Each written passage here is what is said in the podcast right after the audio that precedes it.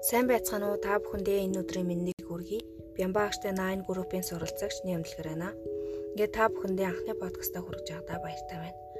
За миний ярих сэдэв бол нийгэм нийгмийн харилцаа. Нийгэм хэмээх ойлголт нь өөрөө маш өргөн утгатай. Тодорхой зорилгоор бие биетэйгээ харилцах, туслалцах хийгээд хамтын үйл ажиллагаа харилцамжаар нэгдсэн хүмүүсийн тодорхой бүлгийг нийгэм хэмээн ойлгож байна. Нийгэм нь маш нарийн нийлмэл бүтэц зохион байгуулалт өргөн утгатай оршин тогтнол, өөрчлөлт, хөгжил бүхий зөөрлөн хэлбэл амьд организм луга өөрөө хөгжигч, хүнийг хөгжүүлэгч том тогтолцоо юм. Орчин үеийн оюун ухаанд хүн 40-50 мянган жилийн тэртээ үүснээр нийгэм бүрэлдэн бий болох үнд суурь тавьсан.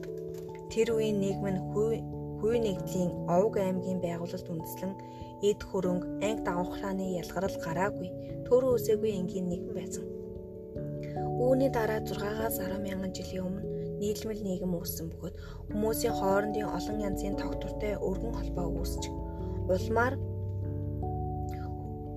нийгмийн ялгарал, давхраажил, анги давхраа хөрөнгөтөн удирдахч бий болж нийгмийн олон төвшөнд удирдах тур засаг, эрх мэдлийн ялгаа бий болсон. Хүн нийгэм хоёр салшгүй холбоотой. Иймээс хүний хөгжлийг авч үзвэл хүний үүсэл хөгжлийг үзэхэд эхний үе нь асар удаан явагдсан бол дараагийн үе шатанд нь хурцсан нэмэгдэж ирсэн түүхтэй.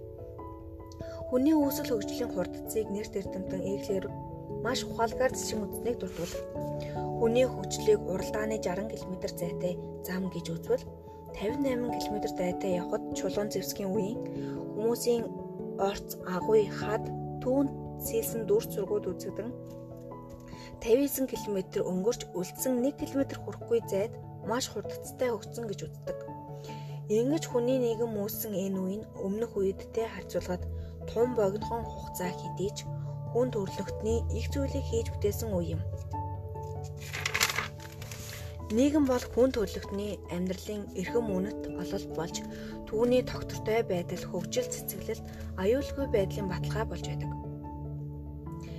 Тэрчлэн нийгэм нь хүмүүсийн ухамсартайгаар бүтээж хурган өөрчилж байгаа бодит байдал, орчлон ертөнцийн юмс үзэгдэл, үзэгдлийн дээд хэлбэр төвшин юм. Нийгмийн тогтолцоо гэдэг нь үндсэн элемент нь хүмүүс тэдгээрийн харилцаа холбоо, харилцан уншлал, харилцаанд бий болдог бүхэл бүтэн байгууламж юм. Тэгвэл нийгэмшилт гэж юу вэ? Хүн нийгмийн харилцаанд бие даан оролцох, нийгмийн үйлдэлүүдийг хийх чадварыг эзэмших, нийгмээс хүлээж буй шаардлагыг биелүүлэх чадамжтай болох үйл явц юм. Хүмүүс ийхүү нийгмийн харилцаанд оролцох үйл явцад нийгмийн гажуудал бий болдог нийгмийн гажуудал гэдэг нь девиац гэдэг буюу нийгмийн хүмүүсийн нийгмийн бүлгийн олон гишүүдийн хүлээн зөвшөөрсөн хим хэмжээ хүлээлттэй үүлний эзэг төлөвийг хэлнэ. Жишээлбэл гэмт хэрэг, сэтгцэн өвчин зэрэг юм.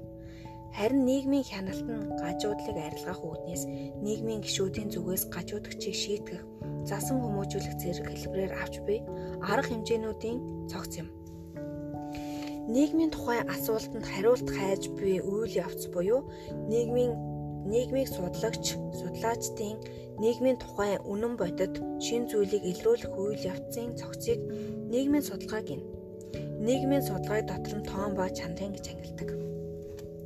Мөн нийгмийн үйл ажиллагаанд оролцох явцад тэгш бус байдал буюу давхраажилт бий болдог.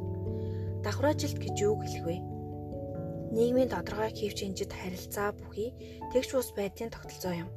Нийгмийн давхраажилтын хэмжигдэхүүнд эд баялаг, эрх мэдэл, нэр хүнд зэрэг хамаарна. Давхраажилтын хэв маягийг дөрөв хувааж үздэг. Боолчлол, язгуур, каст зэрэг юм аа. Тодорхой цаг хугацааны хүрээнд нийгмийн бүтэц, үйл ажиллагаа, соёл, институт, хүмүүсийн харилцан үйл шинжлэхдэх үйл явцыг нийгмийн өөрчлөлт гэнэ. Нийгмийн өөрчлөлт нь хүн амын өсөлт, соёл, технологи, хүрээлэн буй орчны хүчин зүйлс нийгмийн хөдөлгөөнд нөлөөлдөг. Нийгэмд өөрийн үндсэн институт гэж байдаг. Үүнд гэр бүлийн, улс төрийн, боловсролын, эдийн засгийн шашны институтууд тус бүр ордог бөгөөд бүгдээрээ өөр өөрийн гэсэн үндсэн үүрэг гүйцэтгэдэг.